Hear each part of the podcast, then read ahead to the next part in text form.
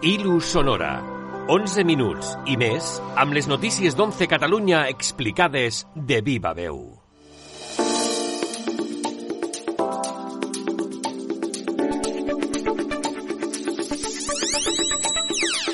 Sigueu tots molt benvinguts i benvingudes a Ilu Sonora, el podcast de continguts d'11 Catalunya que ja arriba al seu número 2, corresponent al segon trimestre de 2021.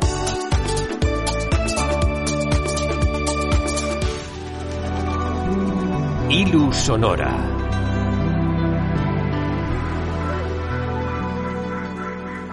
Comencem aquest nou número amb un missatge institucional del delegat territorial d'11 a Catalunya, Enric Botí. Al grup Social 11, cada cop estem més optimistes, més esperançats. Anem recuperant a poc a poc normalitat. El procés de vacunació avança cada dia. Ja som més persones. Arribarà l'estiu i després del sorteig extraordinari tindrem un estiu extraordinari. Tocarà descansar uns dies, carregar piles i energies i retrobar-nos al setembre. Per fi, les primeres activitats grupals i la presencialitat, amb l'escalf humà que tant necessitem totes les persones.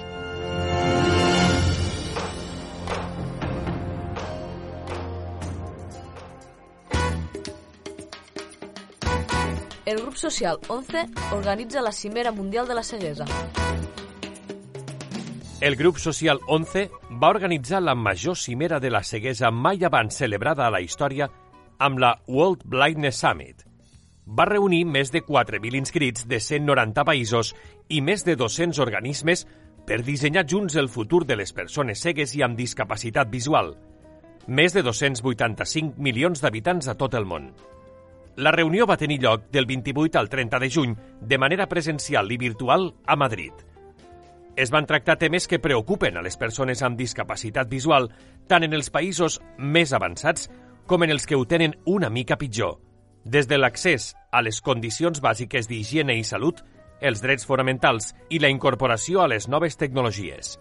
Sota el lema La mirada de tots, van haver més de 50 debats, tallers i ponències sobre múltiples temàtiques que afecten les persones cegues. Escoltem el balanç del president del Grup Social 11, Miguel Carballeda. Orgulloso del trabajo que se ha realizado. Qué importantes son los equipos. Qué importantes son las personas que los forman. No hay nada más importante que las personas. Y entre todos creo que hacemos hemos hecho en esta cumbre y nos va a ayudar a hacer en el futuro un trabajo que ayude a las personas.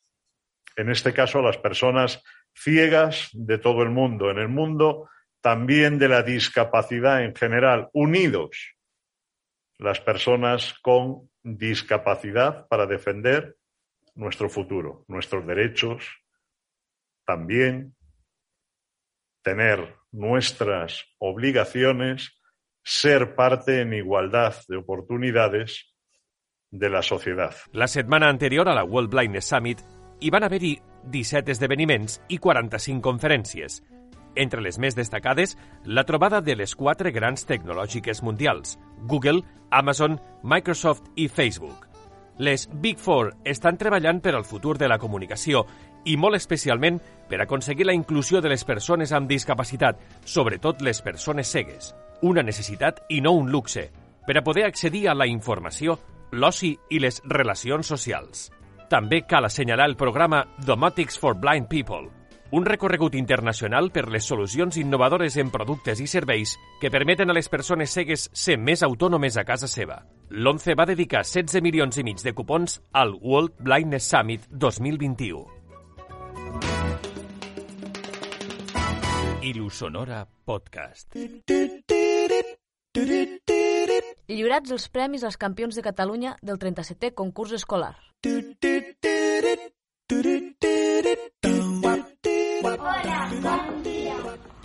El passat dimarts 11 de maig es van lliurar a la delegació territorial de l'11 a Barcelona els premis als campions de Catalunya del 37è concurs escolar del grup social 11. Aquest any en un format especial. És una pena que no poguessin compartir aquest moment tots els companys i companyes de les classes guanyadores, però sí que vam comptar amb una parella d'alumnes i un docent en representació de cada centre. Sota el lema Connexion, Off, això no és un joc, el concurs va consistir en crear una campanya publicitària de sensibilització, un debat molt necessari per treballar sobre el bon ús de les noves tecnologies i aconseguir un entorn adaptat a totes les persones.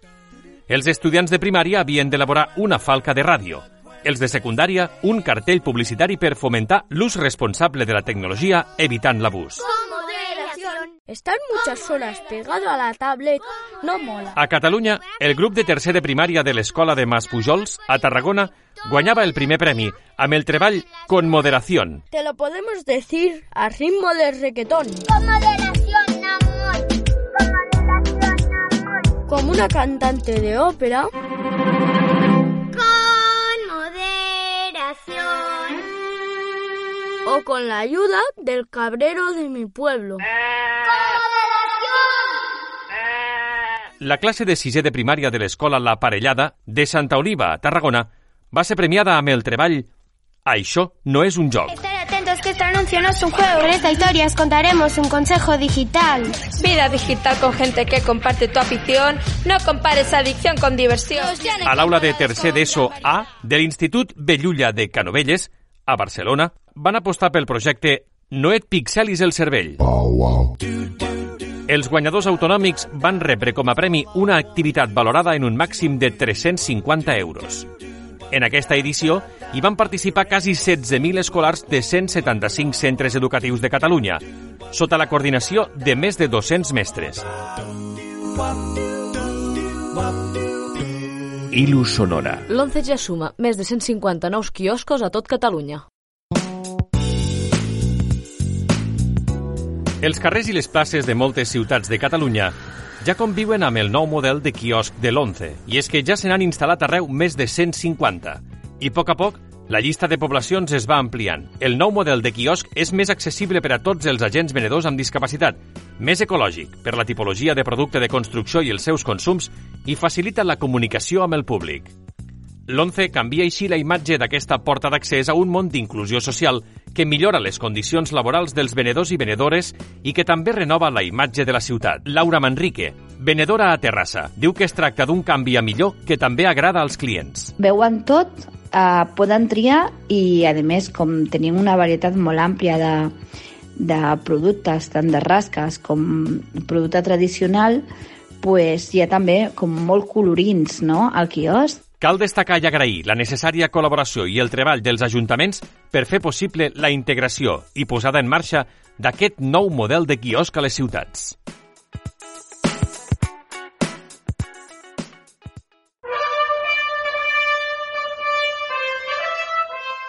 El primer director d'orquestra sec d'Europa ha debutat a Barcelona. És Adrián Rincón, amb 24 anys s'ha convertit en el primer director d'orquestra sec que es titula a Espanya. És també el primer d'Europa i un dels primers al món. El passat 2 de juny, la sala 2 de l'Auditori de Barcelona l'escoltava debutar a la batuta com a director d'una orquestra sinfònica amb el concert de fi de grau de l'Escola Superior de Música de Catalunya. Rincón va dirigir en públic a 45 músics que van interpretar obres de compositors com Joaquim Serra, Dvorak o Stravinsky. Los músicos, la verdad es que hasta ahora están empatizando bastante, porque, por ejemplo, nosotros contacto visual no tenemos. O sea, eh, yo ya siempre les digo que, que, cuando yo me dirija hacia ellos, aunque sea sin, sin verles, pues, eh, pues que, que, estén atentos, ¿no? Y bueno, y luego pues dar las entradas hacia donde las tienes que dar. Pues eso, por supuesto, por contado. Tot un repte, com altres que ha hagut de superar durant la seva carrera musical. Me, me, me picó la curiosidad, ¿no? Entonces yo empecé a asistir a los ensayos de del conservatorio, de la, de la orquesta de estudiantes. Ellos ensayaban una vez a la semana y yo cuando podía iba y escuchaba al director darles indicaciones y cómo, y cómo trabajaba, ¿no? Y bueno, y ahí ya pues, me empezó a, me empecé a interesar más a nivel profesional de la dirección de, oye, a ver, yo no veo, pero puede, puede funcionar, no puede funcionar, esto cómo, cómo, cómo hace él, cómo mueve los brazos, cómo les hace indicaciones, como tal. Nascut a Salamanca, Rincón és titulat en ensenyaments professionals de música de piano clàssic pel Conservatori Professional de Música de Salamanca.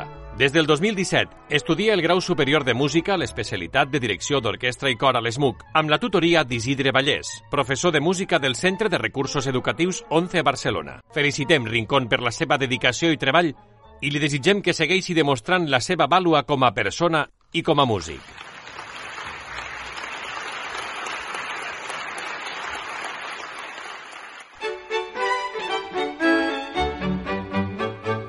L'11 Catalunya s'ha sumat un cop més a la celebració de la Diada de Sant Jordi. Enguany es va apostar per dues maratons online de lectures a Barcelona i Tarragona. A Barcelona es van llegir de forma continuada cartes d'amor, escrites per personatges de l'àmbit de la literatura, la història o les arts. Es van posar veu als sentiments de James Dean, Pere Caldés, Marilyn Monroe, Julio Cortázar o Eddie Piaf. No. Amb una durada de 3 hores, hi van participar 22 persones cegues que van llegir textos en braille o amb ajuda òptica i 12 treballadors de la delegació territorial. Un dels lectors va ser l'escriptor i periodista Martí Gironell. Estimada, tot el dia penso en tu. Hi ha dies que, no sé per què, un reflex del sol entre les fulles, una certa tavió de l'aire, un tros de cançó escoltada distretament, et sento gairebé físicament present, com si t'acabés de deixar i com si hagués de trobar-te a l'entrar a la cambra. Entre altres, també hi va participar la directora general de Política Lingüística de la Generalitat de Catalunya, Esther Franquesa. Bona nit, Màrius. No tinc ni mica de son i tinc, en canvi, unes grans ganes de xerrar amb tu. Ho puc fer perquè em dóna un gust, cosa que no passa gaire, i perquè no t'empipo, cosa molt essencial.